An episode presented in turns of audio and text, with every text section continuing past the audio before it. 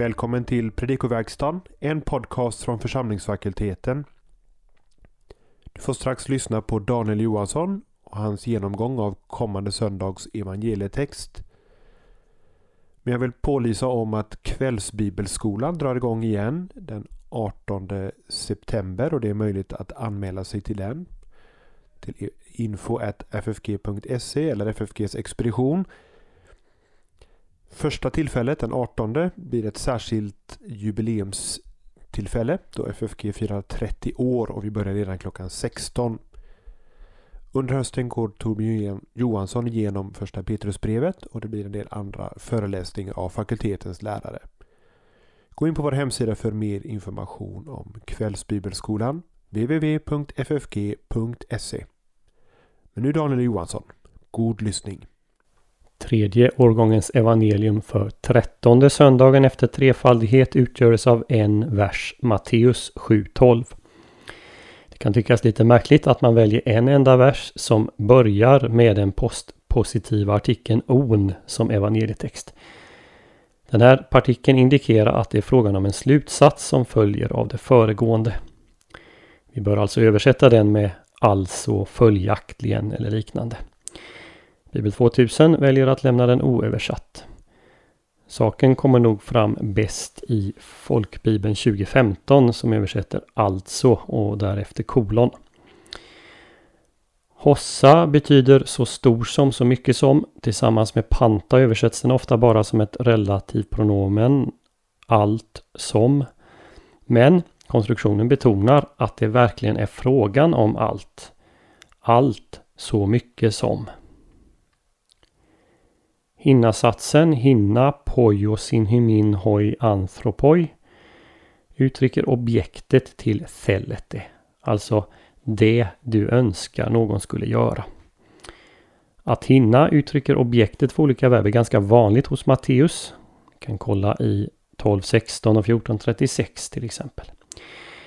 Hinna översätts därför bara med ett att.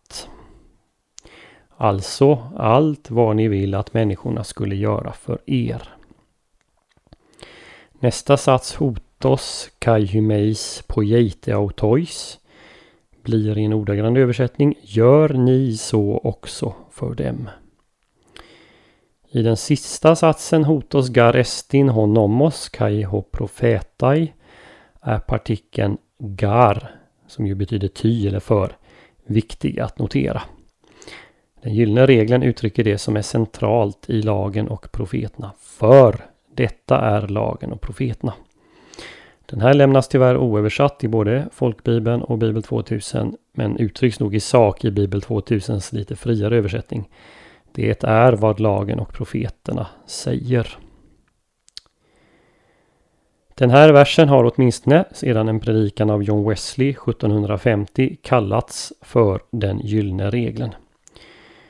Kan också notera att över tusen år tidigare lär en kristen romersk kejsare ha ingraverat just de här orden på sin vägg i guld. Om man inte, som vissa forskare gör, utelämnar on på grund av textkritiska skäl, den saknas nämligen i Sinaiticus, är alla överens om att här kommer i vers 12 en slutsats. Men frågan är hur långt tillbaka Eh, den sträcker sig. En del menar att här avslutas 7.11 eller 7.7 till 11. Slutsatsen då skulle vara Eftersom Gud behandlar dig väl och gör gott mot dig ska du behandla andra väl. Det som närmast föregår är ju löftena om bönhörelse. Andra menar att vi har en sammanfattning av hela det avsnitt som börjar i 7.1, alltså 7.1 till 11 sammanfattas i 7.12. Men mer troligt är nog att hela predikan så här långt sammanfattas i den här versen, eller mer precis bergspredikan från 5.17 till 7.12. Att den bildar en enhet det markeras genom begreppet lagen och profeterna som både finns i 5.17 och här i 7.12. Det bildar alltså en inklusio. Så från 5.17 undervisar Jesus i lagen och profeterna. 7.12 sammanfattar detta innehåll. Men precis som saligprisningarna och dess löften är grunden för lärjungarnas kallelse att vara salt och ljus för världen, så fungerar löftena om Guds bönhörelse i 7.7-11 som grund för sammanfattningen att göra gott mot alla. Gyllene regeln kan vidare sägas vara Jesu egen utveckling av innehållet i Levitikus 19.18. Du ska älska din nästa som dig själv. Enligt Jesu egna ord i Matteus 22, 39-40 är ju detta en sammanfattning av den andra tavlan. Man bör också notera att det finns några särskilda anknytningspunkter till det Jesus sagt under de föregående kapitlen här i Bergspredikan. 7.12 skulle man kunna kalla som en annan slags lex talionis. Eh, Jesus tar ju upp en sådan i 5.38 när han talar om öga för öga, tand för tand. Vi skulle kunna kalla den gyllene regeln för en inverterad lex talionis som uttrycker något positivt. Vidare bör vi notera en parallell i 5.44 där vi har Jesu bud om att älska även ovännerna. Luther är inne på samma linje i en utläggning av 7.12. Med dessa ord avslutar han undervisningen som han har gett i dessa tre kapitel och paketerar in alltihop i ett litet paket där allt kan hittas. Den gyllene regeln finns i olika versioner i olika kulturer. En positiv version av regeln, ungefär som Jesus formulerar den, kan vi hitta hos Homeros och den återkommer hos Herodotos, Isokrates och Seneca. Den negativa versionen finner vi i Tobit 4.15. Gör inte mot någon annan något som du själv avskyr. Liknande uttalande har vi hos den judiske filosofen Filon. Att den också i sin negativa form kunde anses sammanfatta lagen framgår av följande berättelse om rabbinerna Shammai och Hillel.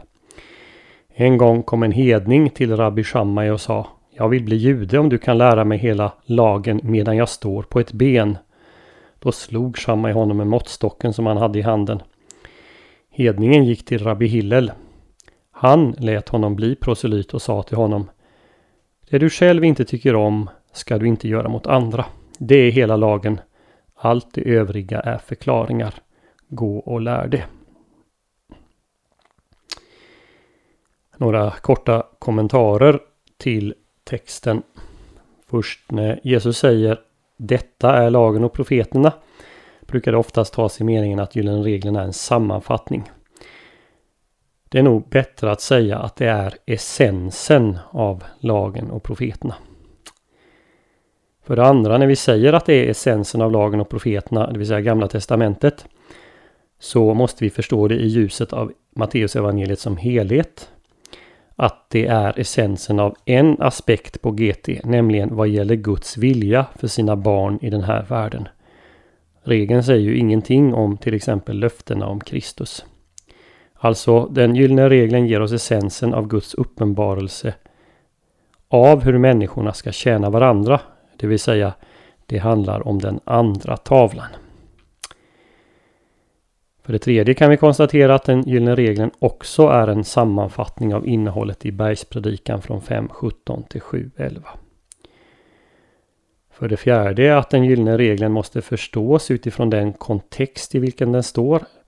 Den är given till Jesu lärjungar i ljuset av Faderns löften till dem så som de uttrycks i till exempel Matteus 5.1-12, det vill säga saligprisningarna och 7.7-11, det vill säga löftena om bönhörelse.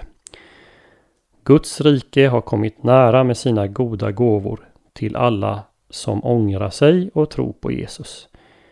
Det är bakgrunden för 7.12. Och för det femte, och då citerar jag Davis och Allisons kommentar. De säger att den gyllene regeln inom ramen för Matteus evangeliet citat inte är en princip från vilken alla lagens bud kan härledas. Inte heller är den en hermeneutisk nyckel till att tolka lagen eller för att bestämma de olika budens giltighet. Det är istället lagens mest grundläggande eller viktiga krav, ett krav som inte på något sätt ersätter Torah utan istället fastställer dess sanna mål. Slutcitat. Denna sammanfattning av lagen kan med andra ord inte användas som ett slags triumfkort för att eliminera andra bud och förmaningar. Och så noterar vi till sist att den gyllene regeln den gavs uppe på ett berg. Det förstår vi av Matteus 5.1-2. Men den ska tillämpas här nere eller där ute i vardagen. Du har lyssnat på ett avsnitt i Predikoverkstan från församlingsfakulteten. För att stödja FFG och för Predikoverkstans verksamhet ge en swishgåva på nummer 123 100 8457 eller på annat sätt som finns beskrivet och angivet på hemsidan www.ffg.se. På hemsidan hittar du också information om aktuell verksamhet och resurser som det är fritt att ladda ner och ta del utav.